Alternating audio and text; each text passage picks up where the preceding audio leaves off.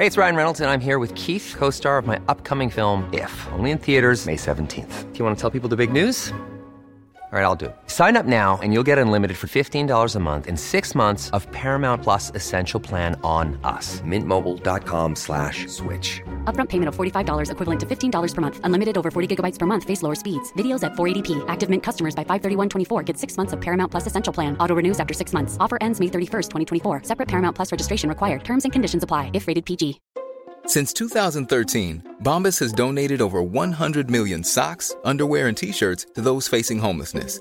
If we counted those on air, this ad would last over 1,157 days. But if we counted the time it takes to make a donation possible, it would take just a few clicks. Because every time you make a purchase, Bombas donates an item to someone who needs it. Go to bombas.com slash ACAST and use code ACAST for 20% off your first purchase. That's bombas.com slash ACAST, code ACAST.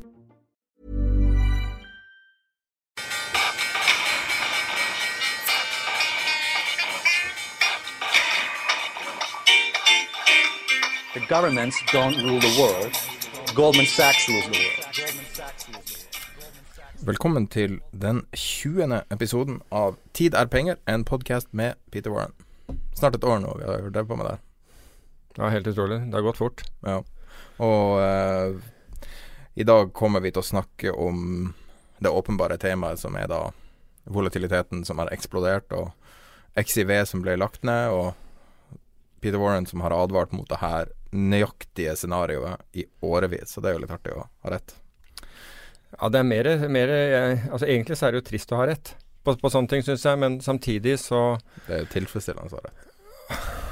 Jeg vet ikke, fordi eh, det er jo eh, gjerne Jeg vet, jeg vet ikke om du så uh, Nomura stå lederen, lederen i Nomura, altså administrerende, stå og bukke på en pressekonferanse fordi de hadde tapt investorenes penger på dette produktet. Ja. Og det er jo sånn at, at de som kommer inn helt på slutten, det er jo å si, enker og faderløse omtrent, som, som kommer inn helt på slutten. De som ikke har fått dette her med seg tidligere, og så ser de kun på historisk avkastning og tenker at jøss, dette har jo gått bra. Og så taper man alt på en dag. 95% på en dag. Jeg tror verste, det verste tapet var en, Det var 100 millioner dollar. Jeg har sett det største tallet på én person. Men vi kan komme inn på det etterpå. Eh, før vi starter, så kan vi eh, nevne vår samarbeidspartner i denne podkasten. Det er IG Markets. IG Markets er nettmegler for private investorer og tradere som er aktive i finansmarkedet. Og eh, det har jo vært spesielt mye penger å tjene de siste dagene med den økte volatiliteten. Og det skal, Jeg har ikke snakka med IG om det, men jeg skulle tro at de har sett stort oppsving i antall handler. Eh, her kan du handle alt mulig av markeder, eh, og spesielt fokus på eh, mer sånn kortsiktige trader, der du kan være relativt mye belånt og ta store posisjoner med begrensa egenkapital. Eh, mange norske kunder eh, handler, har mye Det har vært mye handla med bitcoin, long eller short. Og det er veldig mye long eller short av norske aksjer. Og i tillegg er det mye handel av internasjonale aksjer, eksotiske råvarer, alt fra eh, orange juice concentrate til sukker til gud vet. Selvfølgelig kan du trade valuta og statsobligasjoner også. Vi fikk se litt hvordan nei, lytterne våre eh, var i den tradingkonkurransen som IG hadde nylig.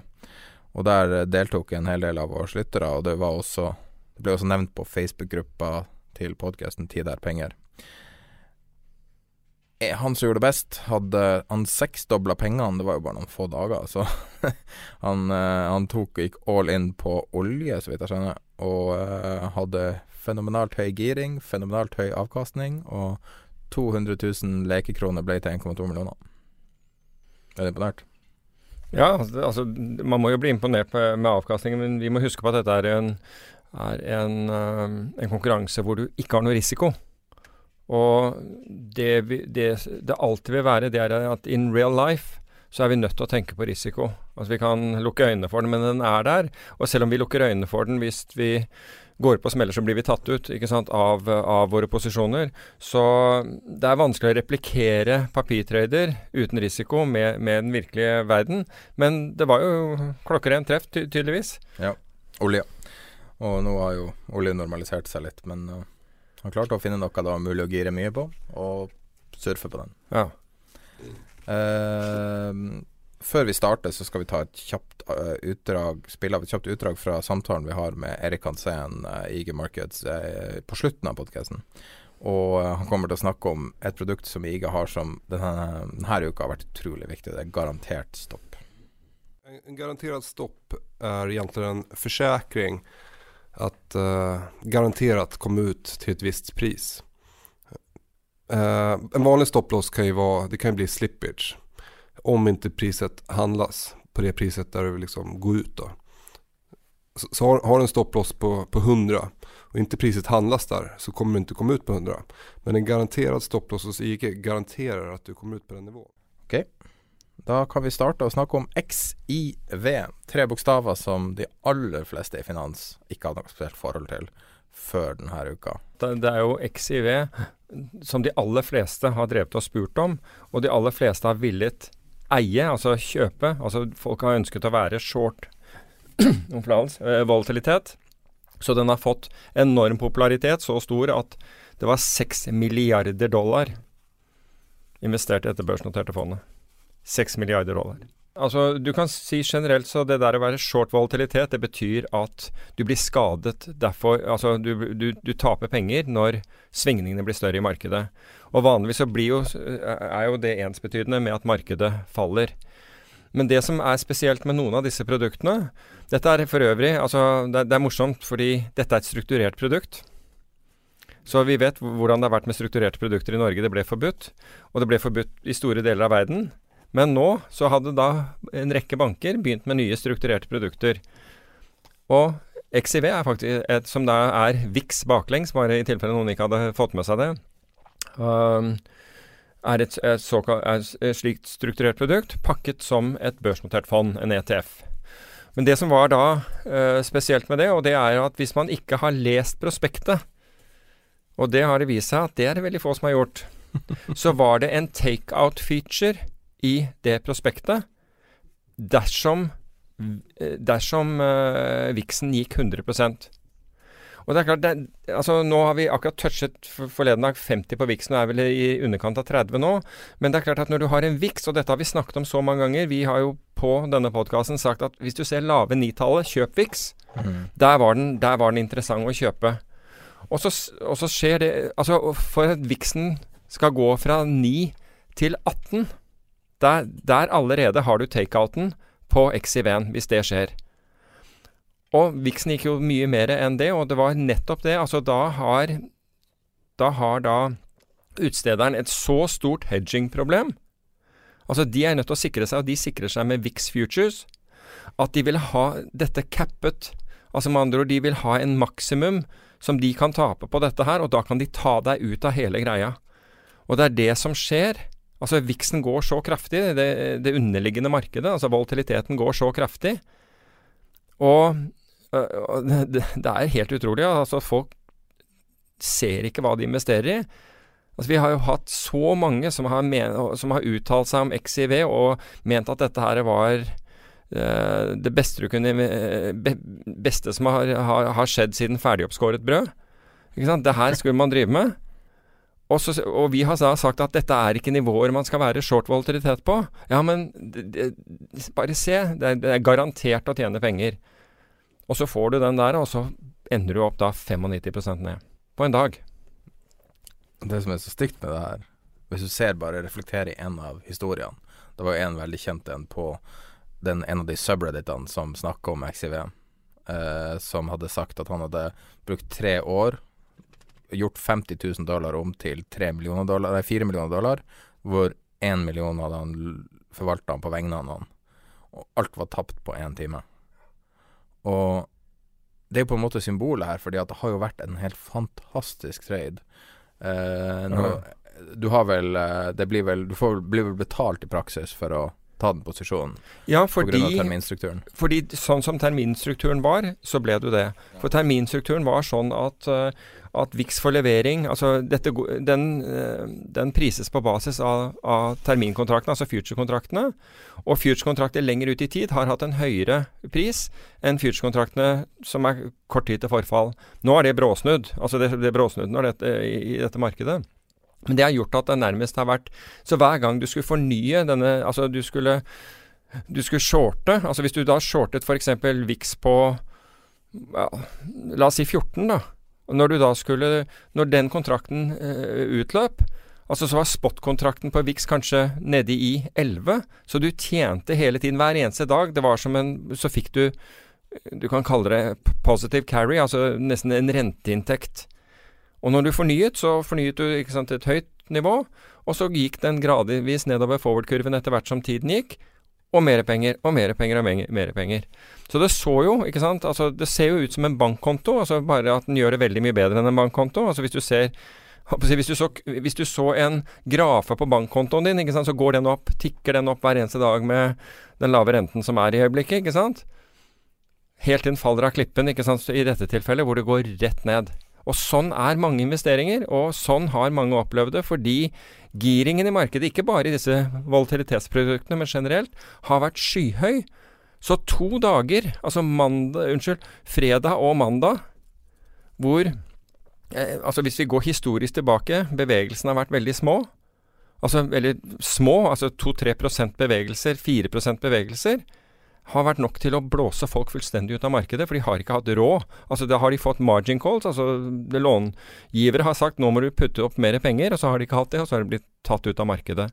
Og Det er nettopp disse tingene alle disse strateger og alle som driver uttaler seg om markedet, ikke skjønner og ikke vet noe om. Det er Altså, det, det var én faktor Det er én faktor som går igjen. Den, den faktoren gikk igjen i 1987. Da var det nobelprisvinnere ikke sant, som hadde da laget en modell som du skulle kunne hedge og drive porteføljeforsikring på basis av. I 1998 er det de samme karene, men da driver de et hedgefond som heter Long Term Capital Management. Samme faktoren tar, tar de den gangen. I 2008 hadde vi samme faktoren, og nå har vi også hatt samme faktoren. Det er likviditet. Likviditet er ikke en konstant. Så det at markedet er likvid det ene øyeblikket, betyr ikke at det er likvid herfra til månen, og herfra til evigheten. Og det er akkurat det. Plutselig blir markedet illikvid, og det ble det i XIV nå. Plutselig, altså Kjøperne trakk seg, og dette går dønn i fritt fall. Men ikke bare i XIV? Nei, nei, nei, dette gjelder SNP? SNP overalt. Hele altså med største en gang markedet du, på jorda? Så fort du får en økt volatilitet, så faller likviditeten i markedet. Folk trekker seg ut. Og så gir man skylden på algoritmer og alt mulig sånn. Du, men eh, jeg, jeg leste en, en kommentar, og algoritmen var skylden. Men det var ikke algoritmene som var skylden, det var det at man, brukte, man hadde så høy giring. Og så brukte man da en, en, en, modell for risiko, og det er helt vanlig at den tar hensyn til hvor mye det svinger. Dessverre tok den ikke hensyn til hvor mye det kunne svinge, men hvor, hvor mye det faktisk har svingt. Og det vil si at med en gang aksjene begynte å falle litt mer enn vanlig, så fikk de beskjed om å selge fordi de hadde for mye risiko det at det er en algoritme som gjør det, eller om en person ringer inn og, og, og skriker den der salgsordren, spiller ingen rolle. Det er ikke algoritme som gjør dette her. Det er menneskelig svikt. Så enkelt. Kan du si en stopplås er en algoritme? Ja, det- ja, altså, ja, altså, hvis, du setter, hvis du programmerer en stopplås inn i en algo... Ikke sant? Altså hvis du programmerer den inn, definerer den matematisk, programmerer den inn slik at den, den skjer, så er det jo det. Men det er jo, altså en stopplås er jo et nivå som du selv setter, eller som du ber maskinen din regne ut for deg. Og dermed så selger man. Så dette er disse faktorene som, som du må vært, som du må forstå markeder. Strateger skjønner helt sikkert økonomien, men det er, ikke, det er jo ikke svikt i økonomien. Det har jo ikke skjedd noe galt i økonomien fra forrige uke, fra torsdag i forrige uke til, til slutten av dagen på mandag eller tirsdag i denne. Overhodet ingenting. Det er jo ikke det som gjør at markedet faller. Én ting har skjedd. Det er at folk begynner å snakke om inflasjon. Så Paul Tudor Jones, har du sett den kommentaren Ja. han var ute med? Ja, ja, men flere Inflation Inflation is back with a vengeance. Ja, ja. Men det har jo alltid vært faren her. Dette er jo en fare som sentralbanker har snakket om. At det er vanskelig å micromanage inflation. Og when inflation rears its uh, head, ikke sant, så plutselig så er det der. Og så har du kanskje ikke kontroll over den. Og så har du ikke virkemidlene tilgjengelig raskt nok til å dempe den. Og de, dette har jo på en måte sentralbankene i sin konstante kjøp og massering av markedene faktisk nevnt og advart mot, men ingen gidder å høre på det der, fordi liksom, du hører jo bare på de gode nyhetene, og ingen leser de dårlige, eller si det som kan oppfattes som, uh, som kontroversielt i forhold til at du har det bra. Eh, I dag så blir vi å ha en litt, litt kortere episode. Vi har diverse avtaler som Dette Det her måtte vi få til. Eh, Peter har vært på reise nå i Miami, vi skal, det er neste tema. Men før vi skal bare avrunde XIV-diskusjonen. Jeg må jo si at det var såpass spennende så jeg satt våken klokka fem på morgenen dagen etterpå. For jeg tenkte hvis det her er det faktiske jordskjelvet, hvis det er the big one, så vil jeg se det skje. Mm. Men det her kan jo se ut som at det er et forskjelv. Og at vi Ja, altså det, det er sjelden at du Altså med, med, med unntak av 87, men da fikk, fikk du forskjelvet veldig kort for, før. Ikke sant? Du fikk den på fredag, og så var, var det som da har blitt hetende krakket. For øvrig er krakk blitt helt redefinert, har du sett det? Nå heter det krakk hvis det er 20% ned nå. Før så kalte du det en nedgangstrend. Altså da var det et bear market. Nå, skal, nå var det, har jeg sett folk kalle Da er det et krakk. Så det, det spiller er ingen rolle om du moderne definisjonen, er jo eh, at en eh, korreksjon med 10 og et krakk er 20 på ja. Hvor kom det fra? Hvor Folk kom det fra? Altså, du må inn i psykologien for å finne liksom noe om krakk. Det er, det er jo ikke en økonomisk term. Det er bare noe som har plutselig har gjort det derre Det er ikke overskrift. Altså hvis, hvis markedet faller 20 over tre år, kan du kalle det et krakk? Kan du ikke det? Det har gått pent og rolig for seg. Krakk er jo liksom når noe brå Altså for, for XIV-en helt opplagt et krakk.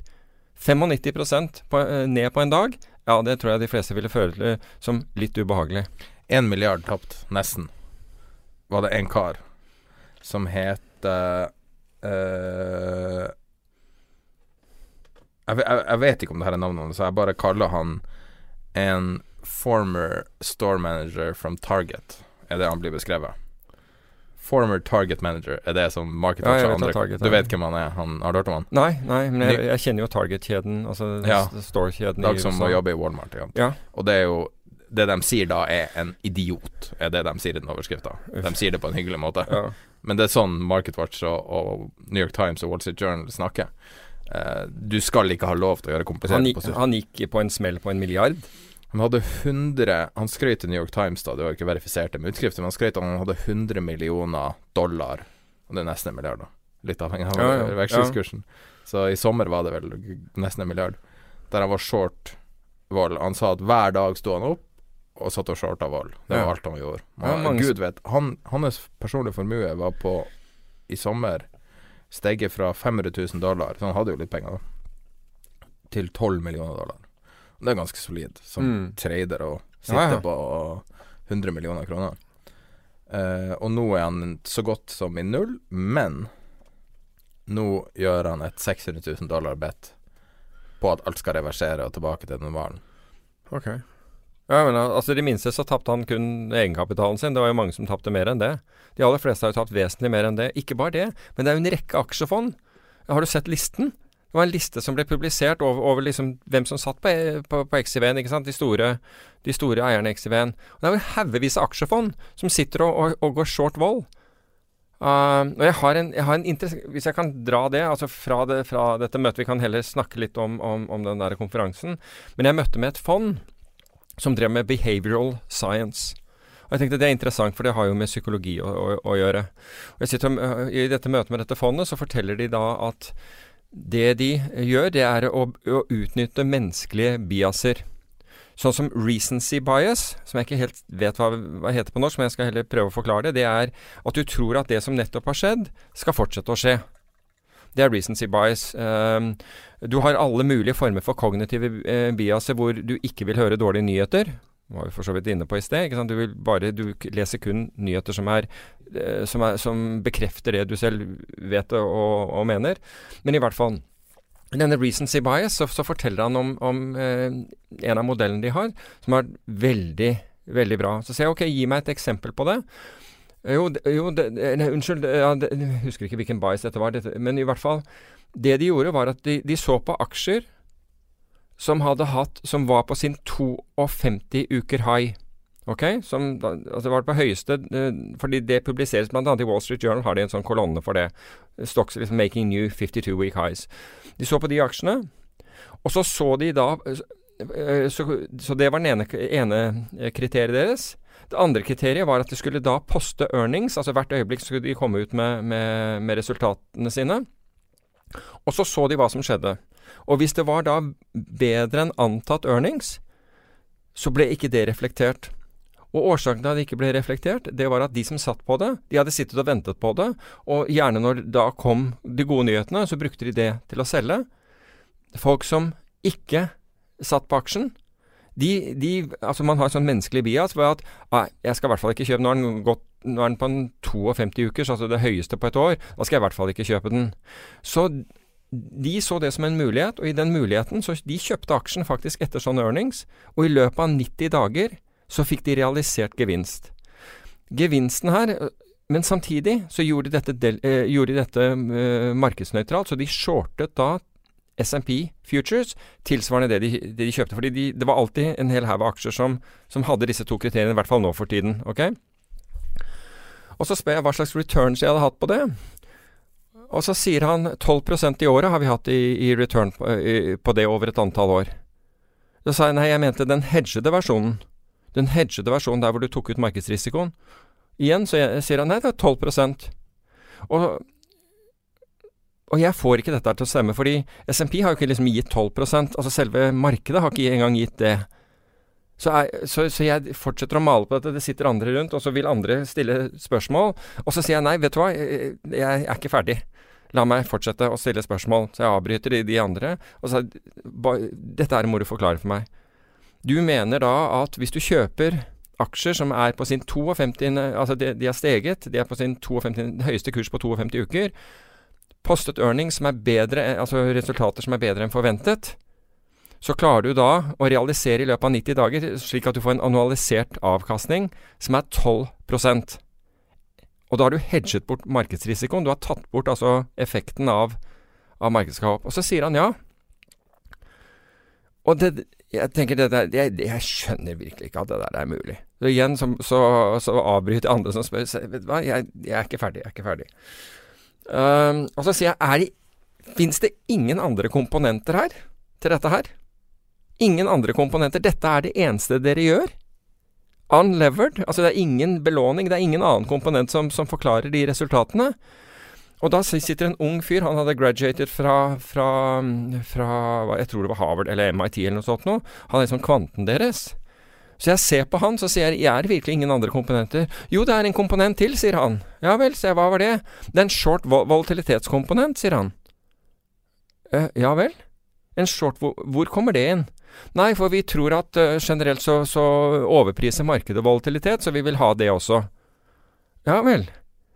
Så behavioral science og den modellen her Du har denne modellen, men så har du en liten komponent til som ingen tenkte på å nevne før de ble spurt om det. Så sier jeg til han har, uh, Hvordan har resultatene fra den komponenten vært i forhold til den andre? Og det har vært significant uh, contribution fra short volatilitetskomponenten. Ja vel. Så sa jeg hvordan gikk det med fondet i uh, januar. Nei, vi var ned 6 Så de var ned 6% i januar på, på dette her. På, der, så sa jeg det var antageligvis den der volatilitetskomponenten. Ja, helt riktig, sier han. Altså for, for, det første så vil jeg omtrent si at det var på grensen til svindel ved å ikke på en måte oppgi hvor størstedelen av avkastningen kommer fra.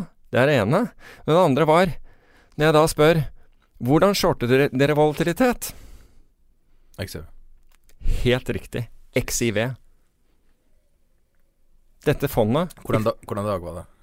Det her er jo Du kom tilbake i går. Ja, ja. Det, det, nei, det, dette var på torsdag. Når jeg har denne her. Så vi har ikke sett fallet på fredag oh. eller mandag. Men da er de wiped out nå? Så, de er wiped out. De er lagt ned? De er wiped out. Det er ikke noe mer det er, det er, over. Ja, Så fondet er lagt ned? Ja, det er over. Det er Seriøst? Ikke, ja, det er ikke noe mer igjen. Fondet satt og skreit på torsdag, er lagt ned. Ja. Hvilken dag er det? På torsdag. Skjønner du? Ei uke senere. Og her var det liksom The smartest guys in the room. Satt det liksom og Åh, Jeg der, sånn. frysninger. men, det, men, det, morsomme var at når jeg hadde spurt om den derre der, For jeg, jeg, ble De som satt rundt meg, ble irritert fordi jeg stilte hele tiden spørsmål de kom ikke til, da. Men når jeg, når jeg gravde ned i den volatilitetsbiten, så satt jo alle seg frem og, og hørte på det der. I hvert fall når vi da reiste oss opp. Det er sånn, så så folk meg og bare rett og slett himla med øynene, fordi de, de skjønte at jeg hadde funnet på en måte det, det, som var verdt å snakke om i det der fondet, hadde jeg funnet. Så de liksom bare folk, De himla med øynene og ristet på hodet og tenkte herregud, hva, ja, det var bra vi, vi, lot, vi lot deg stille spørsmålene. Og få dager etterpå så er det over. Jeg, jeg visste oppriktig ikke konklusjon. Jeg jeg, jeg fikk helt sånn Jeg fikk, vondt i magen av å høre på det. Så, Hvor mye eh, penger var det snakk om? de eh, Jeg husker ikke hva de hadde, men de hadde flere hundre millioner dollar oh, til, til forvaltning, for å si det på den måten. Og, og Eh, det er pensjonskasse og sånne ting? Ja, det er alt, ja det, ikke sant? for her var jo minimumsinvesteringen én million dollar. Så um, Men på, on the brighter side, da, så, så var, det, var det et annet fond som jeg hadde møte med, og de har jeg fulgt uh, lenge. Og jeg har truffet dem, dem flere ganger. Og um, de hadde hatt en ålreit eh, januar, og de var opp 7% i fjor. Og de har da drevet med, med å, å enten vært long SM Altså de har, de har brukt mini-SMP-er som hedge i forhold til volatilitetshandler. Så de har vært long og short volatilitet, og da, da er de motsatt vei, altså i VIX-en. Så hvis, du, hvis de er eh, long volatilitet, så hedger de det med, med, med SMP, men de har flere andre modeller. Og jeg møter med de da De møter jeg også på torsdag. Og, og de har hatt det bra, og de hadde en bra januar og liksom var veld, veldig fornøyd med det. Og de sendte da ut i går, når jeg lander i Oslo, så, eller da landet jeg i Frankfurt, så ser jeg har fått en e-mail fra dem hvor de liksom sender en profit warning på dette fondet. Og profit warningen er at de vil at investor skal skjønne at resultatet ikke skyldes vanvittig giring. De er opp 32% den ene dagen. Så øh, på det der, og det har ingenting med giringen å gjøre, de har bare fulgt den derre øh, Det har vært hele veien, altså vært long volatilitet, og gjør 32 på en dag. Men enda bedre kan, øh, det, var, var på, det var jo Superbowl i på, på, på søndag. Jeg var, var i et eh, Superbowl-selskap der borte. Og der er det ene Da har jo ikke mandagen skjedd, da var det bare fredagen. Og der møter jeg en, en trader som jeg har hatt mye kontakt med, og som stort sett forteller meg hva han, hva han gjør. Og, og i fjor så, så, liksom, så, så spurte jeg liksom Fordi fredagen var såpass vol volatil, så jeg, spurte jeg hvordan det gikk. Og så sa han, vet du hva I hele fjor så endte jeg liksom opp 14% på året uh, der. Today I made 2400% 2400% på én dag. Og da hadde ikke mandagen skjedd. Altså, dette var fredag. Altså, vi snakker sammen på søndag. Og så sa jeg, spurte jeg om han var ute. Nei, han, han, trodde det ville gå, han trodde det var mer å hente. Og så kommer mandagen. Kan man snakke 100 000 da? Nei, det tror jeg ikke du kan, men, men jeg tipper Altså, fordi nå har, altså, Og årsaken til det er at han hadde, han hadde kjøpt out of the money SMP put-opsjoner. Og det er klart at det er jo den derre Når de går fra å La oss si han hadde betalt 10 cent eller noe sånt nå for dem, ikke sant? Så, du vil ikke, så den kurven vil ikke fortsette i så mange prosent, men at han tjente voldsomt. altså Fordi han får både SMP-en som faller, som hjelper posisjonen hans, og så får han volatiliteten som går berserk, som også hjelper posisjonen hans. Så han har liksom Han naila det, han, altså. Ja, vekst på 50 og Ikke sant? Så man skulle tro at han hundredobla pengene sine. Ja, altså han Ikke sant Altså hva han fikk, det vet jeg ikke, for jeg har ikke spurt han etterpå, men det, det, det er eh, insane. Hva sier du? Hvor stor trader da? Jeg vet ikke. Jeg vet ikke. Altså, han, øh, han er jo god for øh, en del millioner dollar, så um, Så man skulle tro han tjente en del. Ja, han, øh, han var en Ja, altså du kan si at La oss si at han hadde La oss si at han altså Selv om du bare hadde 100 000 dollar eller 500 000 dollar på denne traden, som er sikkert ganske lite for han, men liksom den, den der, i og med at det er out of the money, så ja, Ikke sant. Men han, tre, altså, han trenger jo ikke å jobbe som det er. Han, han trader fordi han liker å trade. Så han bor bra, har alt bra, han, så Så rimelig, rimelig grei sak. Vi har glemt å introdusere hvor du, hvor du har vært ennå. Så Peter har vært borte i Miami i ei uke. Ja. Og eh, hva var det totale antall kroner under forvaltning i det rommet du var i? det var det Jeg har tallet her, hvis du vil ha det. Ja, det, altså, det var five trillion dollars. 39 000 milliarder kroner. Ja, det er ganske mye penger.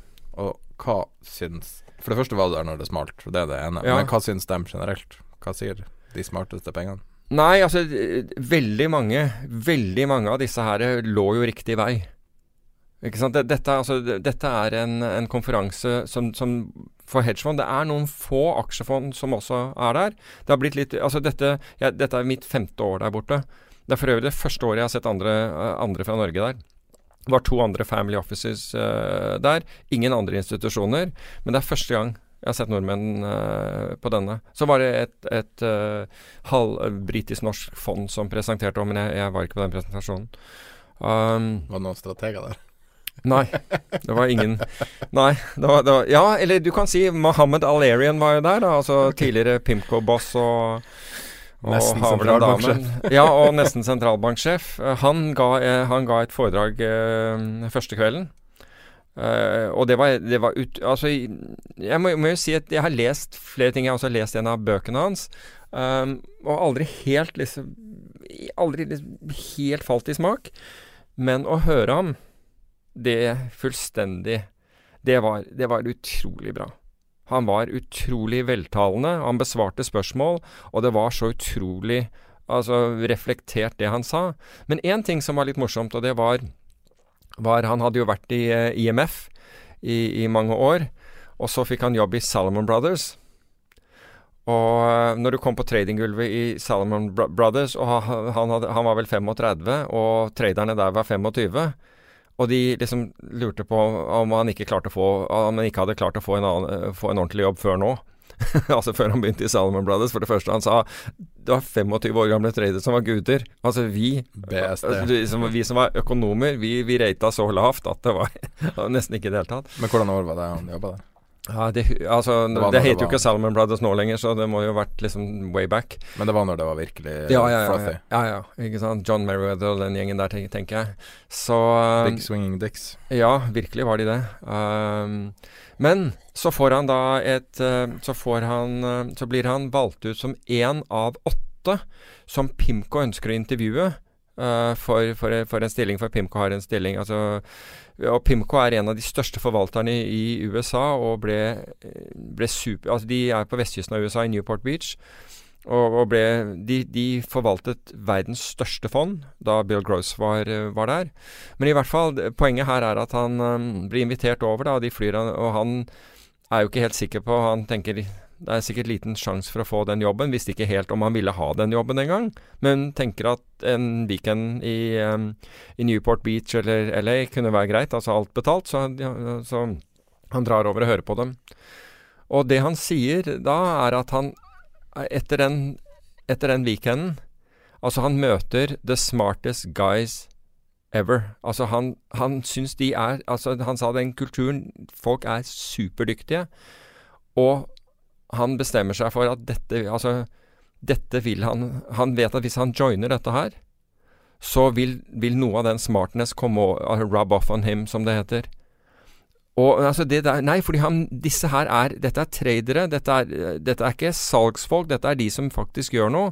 Og han vet at dette her Hvis han, hvis han er her, så vil han lære fenomenalt. Og, og, sånn er, og det er så undervurdert. Altså Folk sitter og trader og investerer og alt mulig sånn, men å komme i et miljø med virkelig flinke folk, det akselererer læringen din og kunnskapen din helt fenomenalt. Du kan ikke tilegne deg kunnskapen så raskt på noen annen måte. Du kan, du kan YouTube deg i hjel, men du vil aldri kunne få denne kunnskapen som, som det å være i et blant flinke tradere.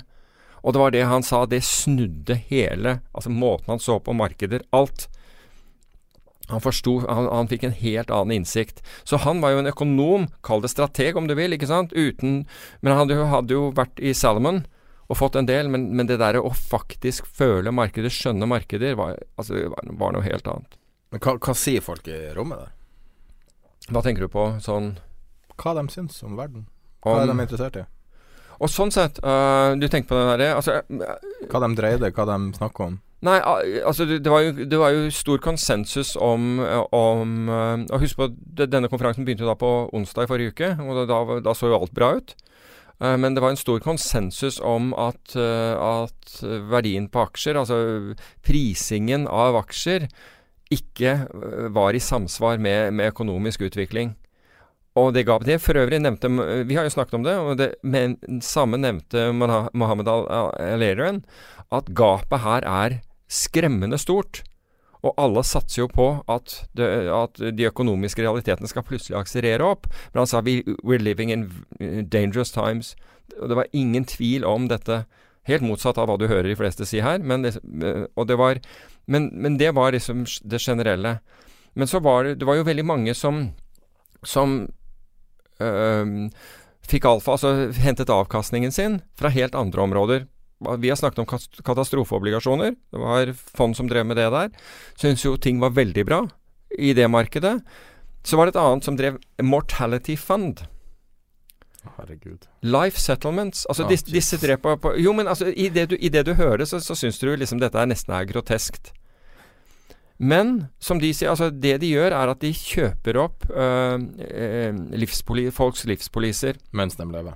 mens de lever. Altså, de Altså, det er folk som kommer til dem og vil selge dem, øh, de, disse.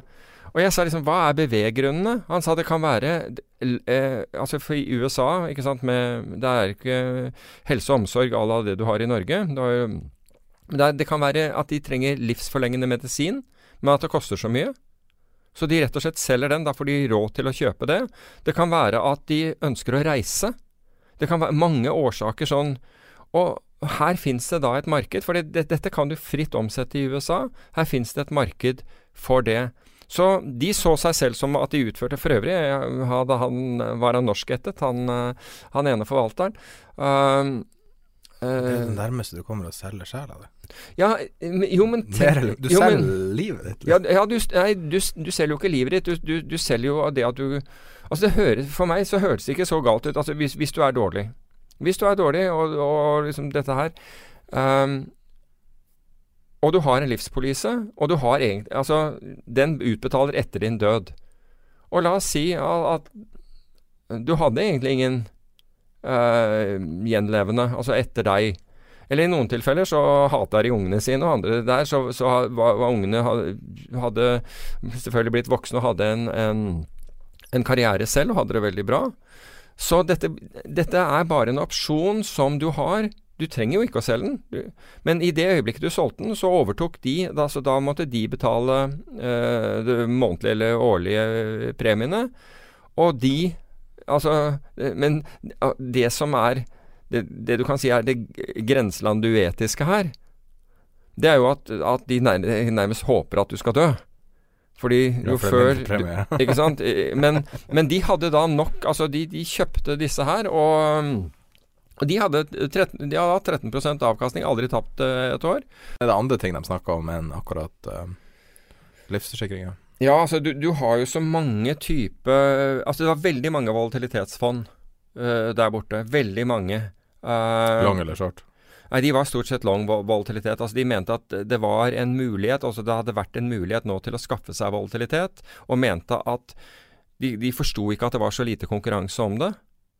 Men, men du kan si at Og de skjønte heller ikke at de kunne kjøpe det så billig som det der, men billig hadde fortsatt Det, det minner om 2008 og CTS-kontrakter. For hvem var den store utstederen av volatilitet? Husk på XIV. Når folk kjøpte den, så shortet da Credit Suisse, som, som eide dette, det, som var banken bak dette her, de shortet Vix Futures. Og vi har hele tiden sagt hvem er de altså, Hvorfor driver folk og selger dette på, på disse nivåene? Vi syns det er et sånn galskapsnivå. Men det er faktisk Presset har jo kommet derfra. Og så var det noen som forleden sa ja ja, 8 milliarder dollar eh, tapt i, eh, i, på, på, på sånne instrumenter. Det er jo ikke mye i den store sammenheng. Det er jo helt feil. Dette er jo 8 milliarder tapt på to fond. Mm, Altså, Universet er jo vesentlig større. Alle som har solgt futures, alle som er long high yield, ikke sant? alle som er long kredittspredder. Alt, som, alt som, som du taper penger på når det blir mer volatilt. Det minner litt om CDO-markedet. Husker du CDO og CDO Squared? Ja. At du kan gjøre bets på bets. Ja. Og det ja er jo, jeg det CDO Squared er bets på bets. Ikke ja. Mm. Og tenk deg når du eh, Når du har f.eks. hedgefond som handler direkte med over the counter-produkter der du ikke ser hva de gjør. Mm. Tenk hvor mye sånn type ting som har skjedd rundt omkring, som kanskje ikke kommer ut før om seks måneder. Ja. Qu- Credit Suisse sier at de er hedga. Jeg tror ikke de nødvendigvis er 100 Men- hedga. Men jeg så, jeg så nå resultatene Dette er øh, Det var eh, noen som postet resultatene til volatilitetsfond. Og Pearl, det, det fondet som jeg nevnte som var opp 32% det, det lå på topp. Og men altså, her er det alle Her er folk som har vært short volatilitet òg. Det var flere fond ned 95 95 et fond altså du har investert i. Men det her er pensjonspenger. Det er det Ja. som er så fucked up med det her.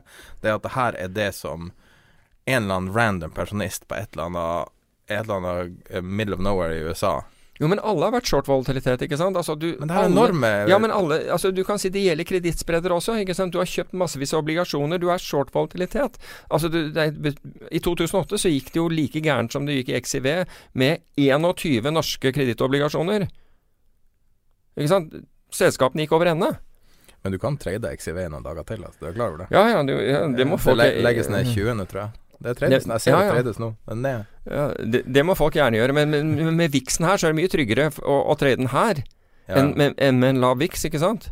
Mye tryggere å gjøre det. Så, så ikke det at det skal være som en oppfordring til folk om, om å gjøre det, for det mener jeg ikke. Skal man først være short, så går du short fra et høyt nivå.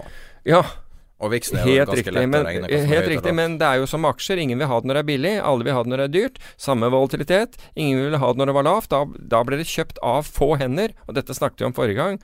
Når, når, for hver som utsteder, så er det noen, noen som kjøper. ikke sant? Så det, men, Folk mente at det var, var aldri en ubalanse, men det er ubalanse i hvem som sitter og har det. Det, det holdes av noen få hender, og massen har solgt. Og det er problemet. Vi har, vi har en så kort podkast, jeg må bare pushe på fordi at vi må få inn flest mulig før vi, før vi må dra. Det er et par minutter vi må dra. Det var én ting til som der, og det var selvfølgelig krypto. Det var en, det var, der var det også Folk er interessert i det. Veldig interessert, øh, og du har bl.a. en ex-Tiger-kar, altså hedgefondkar. Veldig kjent. Han drev Tiger sitt makrofond under Julian eh, Robertson. Uh, Dan Morehead. Uh, der, de, de har tre fond, det finnes andre. Men de, altså, de har jo noen av de flinkeste folkene i krypto. Altså folk fra vestkysten av USA, noen av de flinkeste folkene. Og uh, Interessant, jeg fikk en, en caps av et fond som har startet. Der står, der står det 'I am Satoshi' på, på, på, på gapen. Um, som er Satoshi Nakamoto, som da ingen har sett eller, eller vet hvem er, som, som startet med, med, med bitcoin. Men ja, det er, en, det er en stor interesse, og den interessen har ikke blitt borte med, med kryptofallet. Men jeg må jo si det. Det sagt, så har jo Altså vi advart, vi advarte jo mot, mot liksom nivåene du har kommet til, men nå ser du at banker, kredittkortselskaper og sentralbanker og politikere, alle går sammen om å prøve å beskytte seg. Ikke sant? Altså eh, UBS derimot hadde tre nobelprisvinnere som de intervjuet om krypto. ene var superpositiv, den andre var ganske nøytral, syntes det var interessant. Det var bare én av dem som, var, eh, som mente at dette var en spekulativ eh, sak som skulle gå til null. Var det noe snakk om enkeltaksjer der? Nei. Ingenting? Bare ingen som nevnte Tesla? Nei. Snap? Nei, altså du kunne sikkert ha gått inn og, og boret i det hvis du ville, men jeg snakket ikke med, med ikke sant? Det er ikke det jeg er ute etter. Det er sånn enkeltaksjetips. Men det er bare artig. Altså, Men, men, hvis, men hvis jeg skulle om. si noe om enkeltaksjer, så var det faktisk en kjempeopsjonstrade som ble gjort i går. I Twitter. For Twitter skulle levere resultater i, i dag. Og den var så stor at den fikk oppmerksomhet, altså så mange kontrakter, at den fikk mye oppmerksomhet når denne traden eh, ble gjort. Og det er en risk reversal som eh, blir gjort. Vedkommende kjøper da en jeg, jeg husker ikke Jeg vet ikke hvor Twitter endte i går. Altså på 20-tallet. det var 20 26,92. Okay, Opp 25 after hours. Eller Ok, så, så se på Ja, hva, hva handler den nå? 33. Ok. Så dette er opsjonstreden som ble gjort i går. Dette var basert eh, 26,90 eller 27 tror jeg den var når de gjorde den. De kjøpte 32-streiken for februar, som, som nå er 1 dollar in the money. Og så solgte de 22,5 putten. Så hvis Twitter hadde falt under 22,5, så ville de ha tapt penger. Hvis den stiger over, eh, over 32, så tjener de penger. Den ble gjort på en kreditt, altså de fikk inn 10 cent per aksje for å gjøre den. Og, og i, denne ble gjort i var det 30 000-40 000 kontrakter på, i hvert ben. Jesus. Ja. Så denne her, og i dag, da, hvis den er 33 altså, Men selv uten det, så They nailed it, for å si det på den måten. Og risk reversal er, er en veldig vanlig opsjonsstrategi å bruke. Men denne her, den ga payout, altså. Kult å se også at et selskap som har slitt så lenge i in the black, og tjene penger. Ja, ja. Det, moro, det har vært moro å regne på hva den er. Så for 22 putten er verdt null nå, men 32 callen er i hvert fall verdt over en dollar. Uh, så hvis du begynner å liksom gange opp La oss si 35 000 kontrakter. Det er 35 000 ganger 100 ganger 1 dollar. Men den er verdt mer fordi det er tidsverdi der fortsatt. Så her ga, gikk man i dag Kan du estimere avkastning på det? Nei, jeg må, jeg må se hva opsjonsprisen er for å kunne, for å kunne gjøre det. Hva, hvilken avkastning. Men det er helt, altså når du tenker på at de har fått De har, de har, de har, de har jo ikke betalt for det engang. De har fått inn 10 cent for å gjøre handelen. Ikke sant? Så det er litt med den opsjonshandelen som vi, eh, som vi snakket om i Tesla. Ikke sant? Den er gratis nå. Du, du trenger ikke å bekymre deg. Den varer i et år, og du har, du har betalt null, og du har ingen nedside. Fordi det er ikke noe margin call, det er ingenting. Ikke sant? Du eier en puttspredd. Før vi avslutter, så vil jeg utfordre deg til neste gang om du kan se på Snapchat, sin er aksje som heter Snap. Eh, basert på det her tingen jeg leste, jeg leste Det er en litt gammel eh, kalkyle. Det er en kar som har gjort det han kaller napkin math. Han sier at de brukte 3 dollar og 60 per eksisterende bruker, og 89 dollar per acquired bruker, altså ny bruker, for å tjene en revenue på 1,05 per user oh. på tre måneder. Aha. Og nå er det litt bedre, og aksjen fyker opp, men herregud, det her er forferdelig dårlig, altså. Så da basically du bare tror at det kommer til å gå bra, vet ikke helt hvordan det kommer til å gå bra. Så du mener at jeg skal lage en short-strategi En lignende som Tesla. Og gjerne en ny på jeg Tesla. har, en, jeg har en datter som, som er på Snapchat hele tiden. Hun vil Ja. aldri, hun vil aldri, Men jeg tror Norge vil aldri tilgi, til meg hvis jeg var short-snap. Ja, og alle naboene dine har Tesla. ja, det er, det er bare én av dem, tror jeg, som har det. De andre kjører fossile. for stile. Ja, nei, det er kanskje riktig. Men da, nå må vi dra, for nå jeg tror du er syv minutter unna din avtale, og jeg er 40 minutter unna min. Så, men eh, da kan vi avslutte med samtaler med Erik Hansen, og der deres fantastiske produkt, og det er virkelig et fantastisk produkt, og det er garantert stopp. Og hvis du hadde en garantert stopp på XIV, så tror jeg du takker dem for å ikke være bankrott. Ja, altså det er jo i, akkurat i sånne tilfeller er helt fantastisk. med sånn det vi kaller market dislocations, eller, noe som skjer altså om natten, ikke sant, når du sover. det her altså, skjedde et jo på kvelden. Ja, ja, men ja.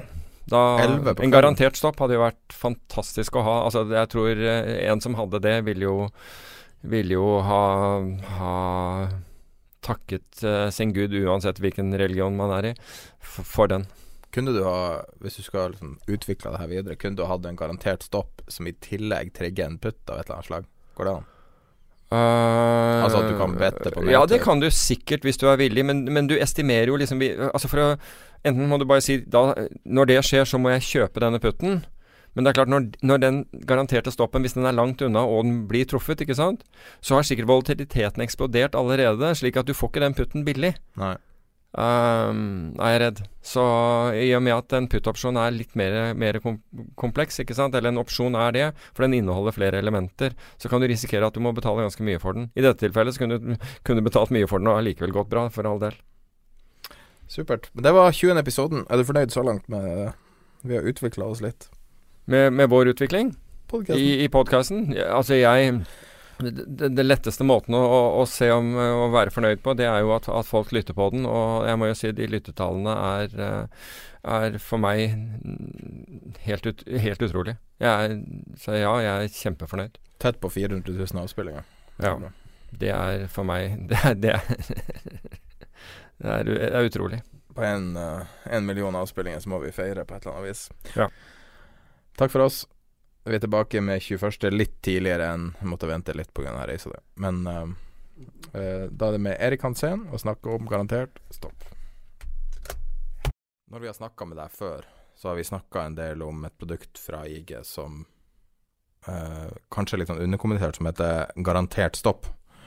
Kan du forklare litt om, om hvordan det funker, hva det koster, og så ikke minst i hvilke produkter det er tilgjengelig, for det er vel tilgjengelig i de fleste produktene, men ikke i alle. Eh, og, og en type spørsmål er kan man gjøre det i enkeltaksjer, kan man gjøre det i norske enkeltaksjer, kan man gjøre det typ over helga? Hvordan, type, hvordan fungerer det? Mm. En, en garantert stopp er egentlig en forsikring at uh, garantert komme ut til et visst pris. Uh, en vanlig stopploss kan jo være, det kan bli slippage. Om ikke priset handlas på det priset der det liksom gå ut då. Så, så har, har du en stopploss på, på 100 och inte priset handlas där så kommer du inte komma ut på 100. Men en garanterad stopploss hos IG garanterar att du kommer ut på den nivån. Så IG kommer stoppa ut dig oavsett om inte priset har handlats där. Eh, och eh, kostnaden är, du betalar ingen avgift eh, såvida inte stoppen triggas. Om stoppen triggas så betalar du en liten extra spread. Och den här extra spreaden kan man då se som en försäkringspremie. Och du kan ju då lägga den här stoppen på alla typer av produkter. Det kan vara så att vissa mindre illikvida aktier inte erbjuder den här garanterade stoppen. Då.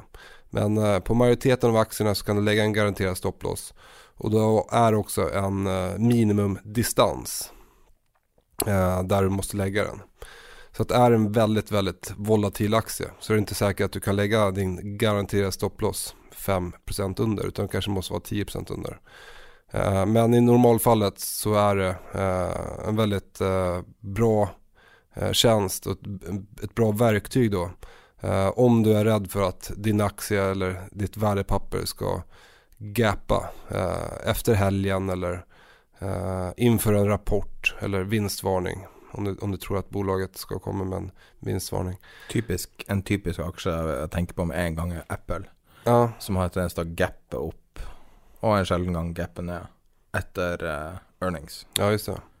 Ja, då kan du då, om du har en position i Apple, om du ligger lång, positionerad för en uppgång Uh, och sen vet du att uh, Apple ska rapportera på måndag till exempel. Då kan man på, på fredagskvällen innan då börsen har stängt lägga till en garanterad stopploss. som då garanterar att du kommer ut på det priset. Även då om aktien skulle öppna under. Är, är det baserat på optioner? Är det, är det det IG gör? Att man köper optioner i tillägg för att försäkra IG? Är det så dere gör det? Nej, eh, utan det här handlar egentligen bara om att vi vill erbjuda våra kunder eh, en bra tjänst. Eh, och eh, vi har räknat på det här och eh, vi förlorar inte för mycket pengar på det i längden. Utan det här är också någonting som lockar till kunder till liga. Eh, så att nettoeffekten blir positiv för alla.